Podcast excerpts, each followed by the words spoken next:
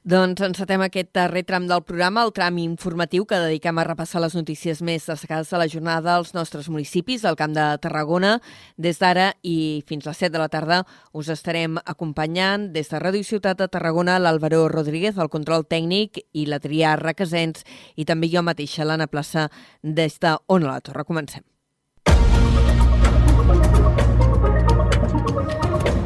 I comencem destacant que l'Associació Empresarial Química de Tarragona ha celebrat, tot i que mitges, l'aprovació de les xarxes tancades de distribució elèctrica per part de l'Estat. Adrià, bona tarda. Bona tarda. Aquesta era una llarga reivindicació del sector petroquímic per disposar d'energia a un preu més competitiu. El Consell de Ministres va aprovar ahir el decret que ho regula i l'Àlvaro Rodríguez des de Ràdio Ciutat de Tarragona ha recollit avui aquestes reaccions. El Consell de Ministres del Govern espanyol ha donat aquest dimarts llum verda al Reial Decret que desenvoluparà les xarxes de distribució tancades. Així es dona resposta a una reivindicació històrica del sector petroquímic de Tarragona per poder competir en igualtat de condicions amb la resta de químiques europees.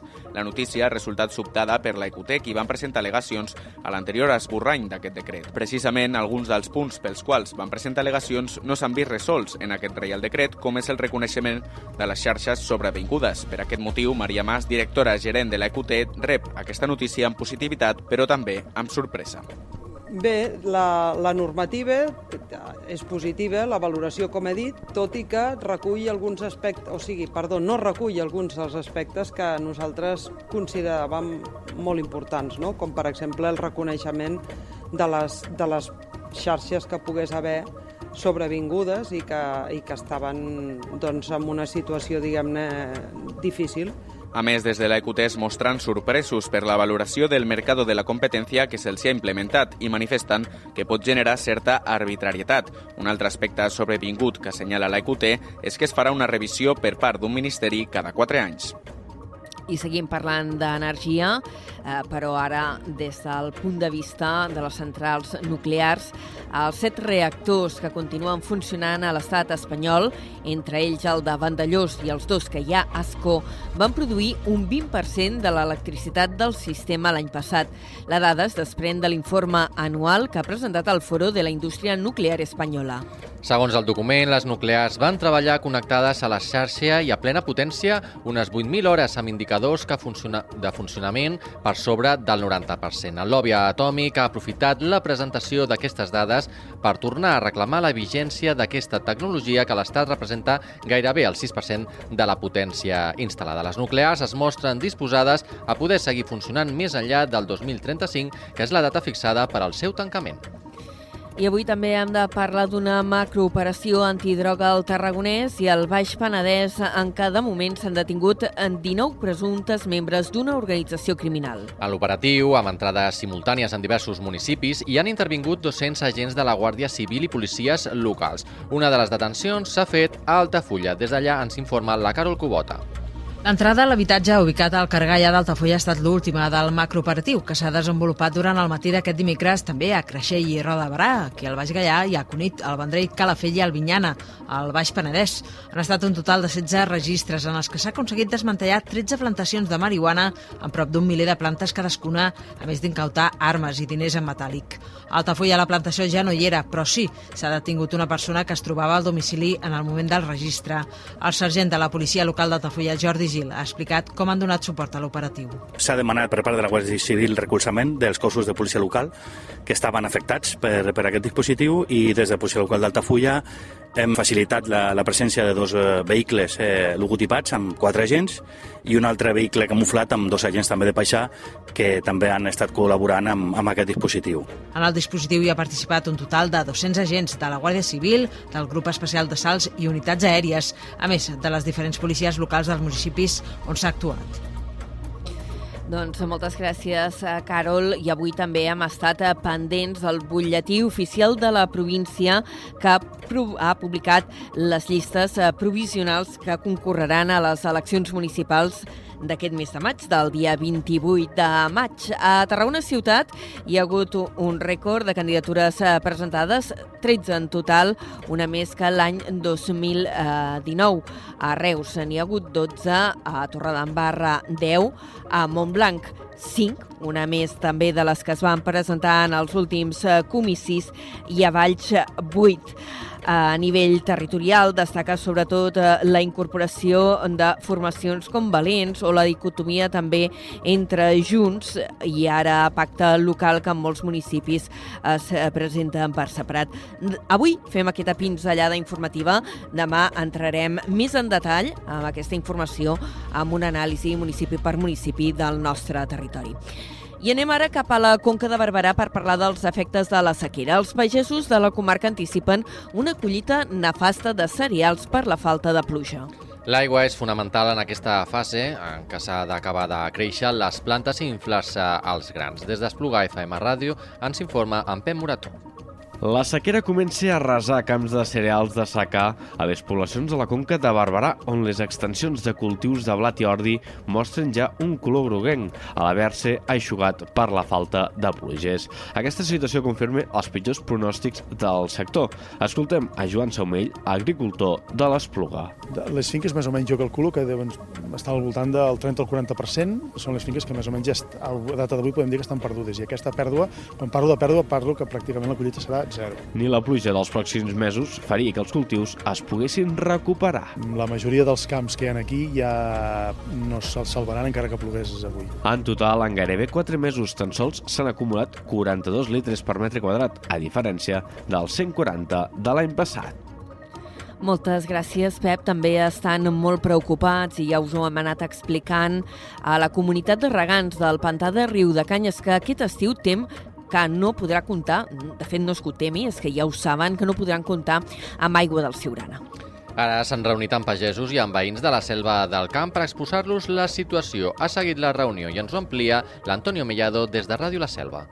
La reunió, que ha omplert l'Auditori de Santa Llúcia de la Selva, arriba en un context en què l'Agència Catalana de l'Aigua, l'ACA, acordava a finals de març no fer el transvasament d'aigua de Siurana a Riu de Canyes. Una situació extraordinària que no havia succeït mai en els gairebé 100 anys que porta realitzant-se aquesta connexió. De tota manera, la comunitat només podrà utilitzar 0,26 hectòmetres cúbics d'aigua de Riu de Canyes, una quantitat que els regants consideren insuficient i que en el cas de la selva i les poblacions veïnes repercutirà irremeiablement en les campanyes de l'oli i la vallada Tiana de la propera tardor. Escoltem a Miquel Àngel Prats, gerent de la comunitat de regants del Pantà de Riu de Canyes. Això vol dir que no es podran regar ni ballaners ni olivers, que són els dos cultius, sobretot el ballaner, però també ha part d'oliveres, són els dos cultius principals que carreguen de, de la comunitat de regants. Uh, L'oliver, en principi, doncs, bueno, pot ser que es perdin collites, l'arbre és més difícil, i el ballaner que només regui del pantà doncs, segurament serà un arbre que es perdrà amb tota la conseqüència que això vol dir, que ja no és només a nivell agrícola, sinó que serà a nivell de, de tota la, la indústria que depèn de, del sector agrari. No? Prats ha manifestat que enguany ja s'ha arribat massa tard i que no hi ha solució possible. Hauria pogut ajudar el fet de disposar de l'aigua regenerada de la depuradora de Reus per regar, un projecte que la comunitat va posar sobre la taula el desembre de 2021 i que actualment es troba aturat. Seguim parlant de qüestions que preocupen la pagesia del nostre territori, concretament de la presència de cabirols que es mengen els brots de les vinyes.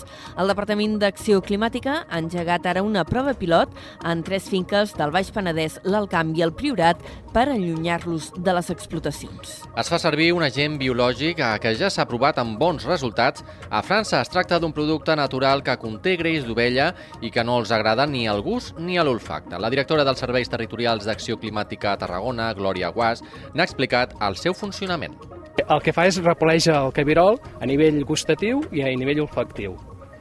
El cabirol entra a la finca i, en teoria, segons expliquen a, França, que ho han estat assajant i, i amb èxit, doncs quan entra sent l'olor i a la vegada si ho proves un gust que, que no els hi és favorable, que no els hi agrada.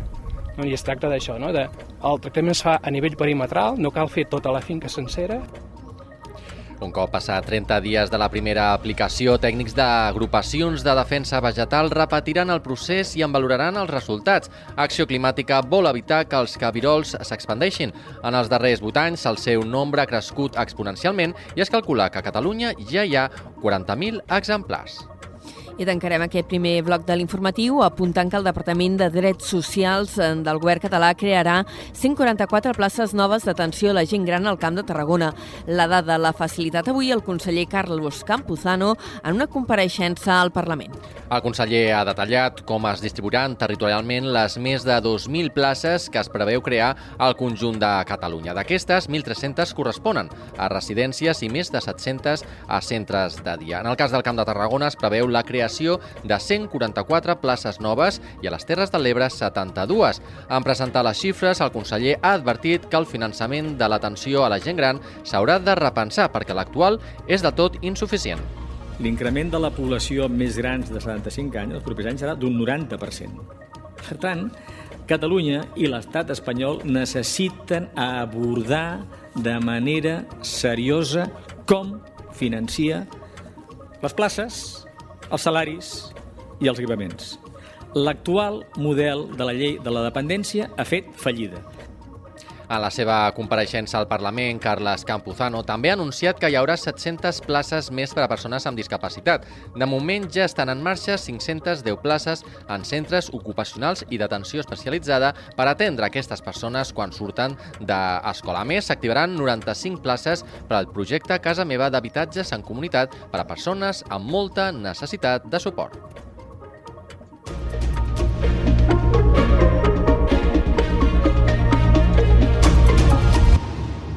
Falta un minut per tres quarts de vuit eh, de tres quarts de set de la tarda. Volem dir, l'oficina antifrau ha arxivat les denúncies que s'havien presentat per presumptes irregularitats a l'Ajuntament de Montblanc en les obres de la Torre de Calmasalles i també en la contractació de proveïdors. Junts per Montblanc, que és qui va presentar les denúncies, diu que no es retractarà perquè la resolució els dona la raó en el cas dels serveis d'arquitectura. Ens amplia la notícia la companya de Ràdio Montblanc, Gemma Bufies. La denúncia la va presentar Junts per Montblanc i asseguren que la resolució, malgrat desestimar irregularitats en les obres de la muralla, sí que demana que l'Ajuntament iniciï de forma urgent un pla de procediments i contractació en el cas de l'arquitecte municipal. Per altra banda, l'alcalde Josep Andreu celebra la resolució i critica que altres regidors hagin presentat denúncies, diu sense fonament i demana que retractin. Josep Andreu i Marc Vinya, regidor de Junts per Montblanc. Que em facin acusacions contra la meva persona de que jo he intentat fer un frau econòmic a l'Ajuntament de Montblanc, això aquí em dol moltíssim.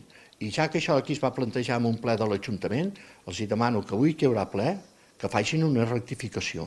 Nosaltres no ens podem retractar perquè el que han fet és fer una consulta perquè veiem que alguna cosa potser no s'estava fent bé. En un cas diuen que sí, que s'ha fet bé, però en l'altre, en el moment que demanen un pla i programa de procediments de contractació, ens estan donant la raó. Per tant, hi ha alguna cosa, com sospitàvem, que no s'està fent bé. L'equip de govern, en referència a la contractació dels serveis d'arquitectura, assegura que complirà el que demana l'oficina, però reiteren que no és constitutiu de delicte. Moltes gràcies, eh, Gemma, per aquesta crònica. I, d'altra banda, el Port de Tarragona reposarà 100.000 metres cúbics de sorra a la platja de la Pineda aquest mes de maig. Els treballs duraran uns 20 dies i costaran 600.000 euros. Per fer-los, enguanya s'ha compta amb una draga més gran i més eficient. Des de Ràdio Ciutat de Tarragona ens ho explica la Judit Fernández.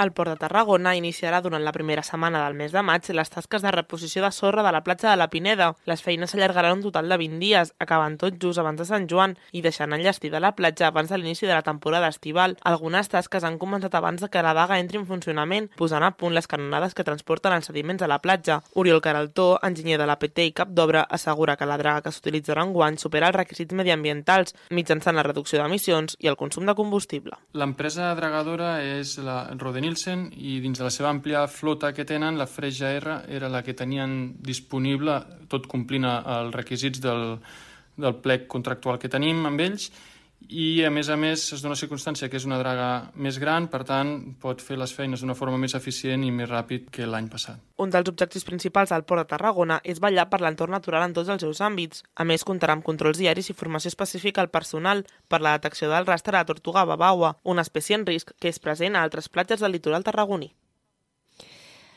Gràcies, eh, Judit. I també eh, situats en aquest indret del nostre litoral, situats a la Pineda, hem d'explicar que el Ministeri de Transició Ecològica ha tret ja a licitació les obres que faran realitat el nou frontal marítim d'aquest nucli de Vilaseca. Els treballs costaran més de 8 milions d'euros, quatre dels quals seran finançats per fons europeus. El projecte, a més, és un nou pas per a la transformació i recuperació ambiental del passeig marítim de la Pineda. Es vol que aquest sigui més permeable i natural. Es recuperarà el sistema dunar de la platja, s'ampliarà el passeig eliminant la carretera i es milloraran també les connexions de vianants entre els carrers i la línia de costa. El projecte també preveu la renovació de tot el mobiliari urbà, el sistema d'il·luminació, així com la instal·lació d'aparells de fitness per infantils i diversos elements de caire lúdic i esportiu. Fem ara una prèvia. Torredembarra acollirà demà dijous la celebració del Dia de les Esquadres de la regió policial del Camp de Tarragona. L'acte commemoratiu tindrà lloc al pavelló municipal Sant Jordi a la zona esportiva municipal a partir de les 12 del migdia. Des d'on a la torre ens ho explica en Josep Sánchez. Durant la celebració es lliuraran distincions a representants d'institucions, cossos policials, entitats i organitzacions que han col·laborat amb efectius dels Mossos i a membres també de la Policia de la Generalitat en reconeixement a la seva trajectòria professional i a les seves actuacions meritòries.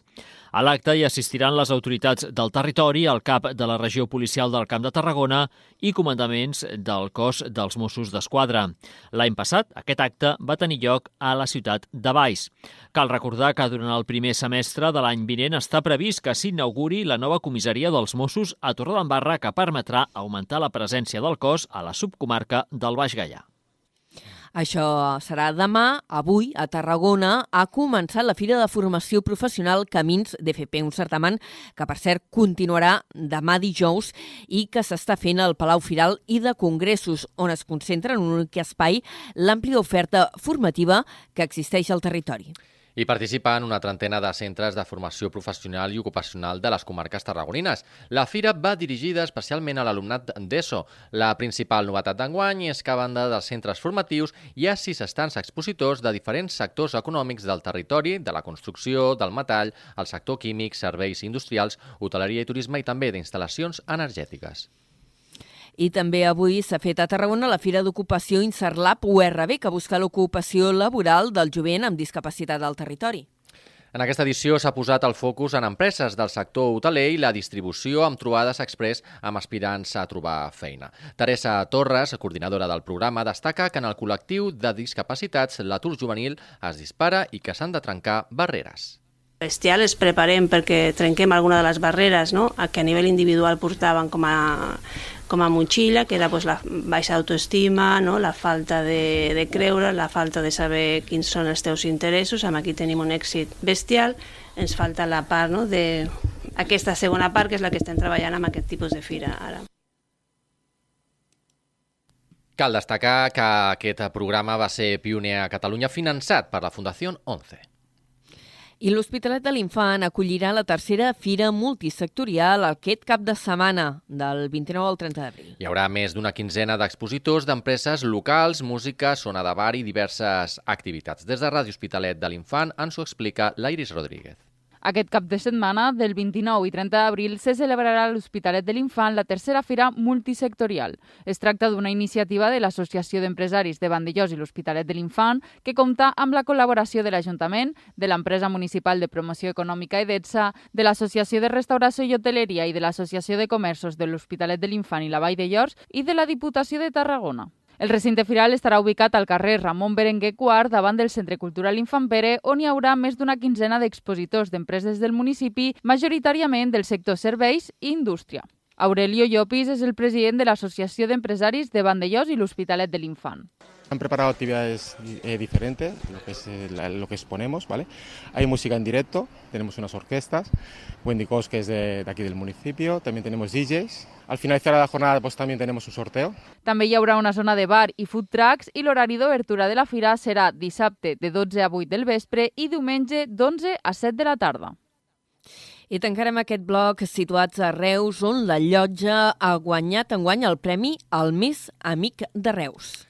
El guardó el dona al Centre d'Amics de Reus en reconeixement de persones i entitats que tenen una trajectòria rellevant i que treballen per la ciutat. Des de la nova ràdio de Reus ens ho amplia en David Fernández. Aquest premi va néixer ara fa 3 anys com un homenatge a Gabriel Ferreter i per recuperar els antics concursos literaris promoguts des de Cultura de Reus. Té una dotació econòmica de 6.000 euros i s'adreça a textos en prosa escrits en català que siguin originals de qualsevol temàtica i que no hagin estat premiats. Es poden presentar fins al 30 de juny a través del correu electrònic preminarrativa.reus.cat i posteriorment un jurat format per escriptors, professors i periodistes escollirà l'obra premiada que es donarà a conèixer el mes de desembre. Serà en el marc de la gala de Premis Literaris que les biblioteques de Reus organitzen conjuntament amb Òmnium Cultural Beixcamp i l'Associació d'Amics de Reus, que també organitzen els seus propis premis. La primera edició del Premi Diré el que em fuig va guardonar l'escriptora reusenca Isabel Olesti i el recull de contes Ets tu, àlbum d'amors complicats, que es va publicar en Viena Edicions i la de l'any passat va quedar deserta.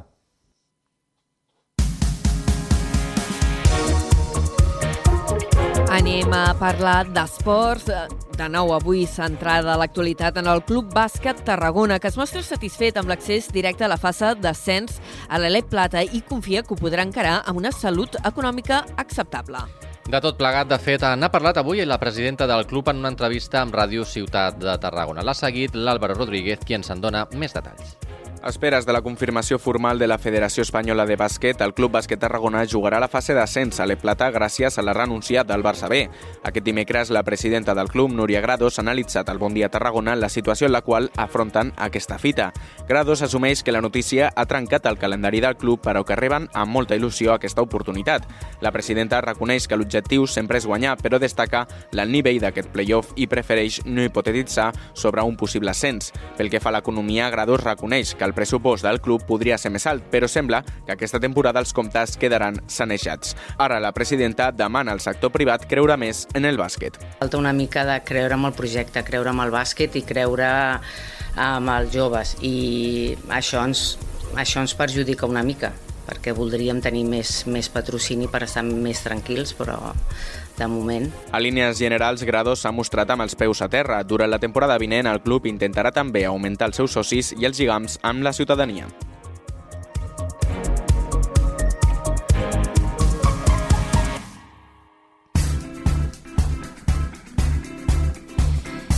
I en cultura avui ens centrarem a fer la crònica d'Ofec, un espectacle multitudinari que s'ha pogut veure els darrers eh, caps de setmana a la selva del camp, una experiència que s'ha fet al castell del Paborda i que ha estat dirigit per la salvatana Cristina Mastiu.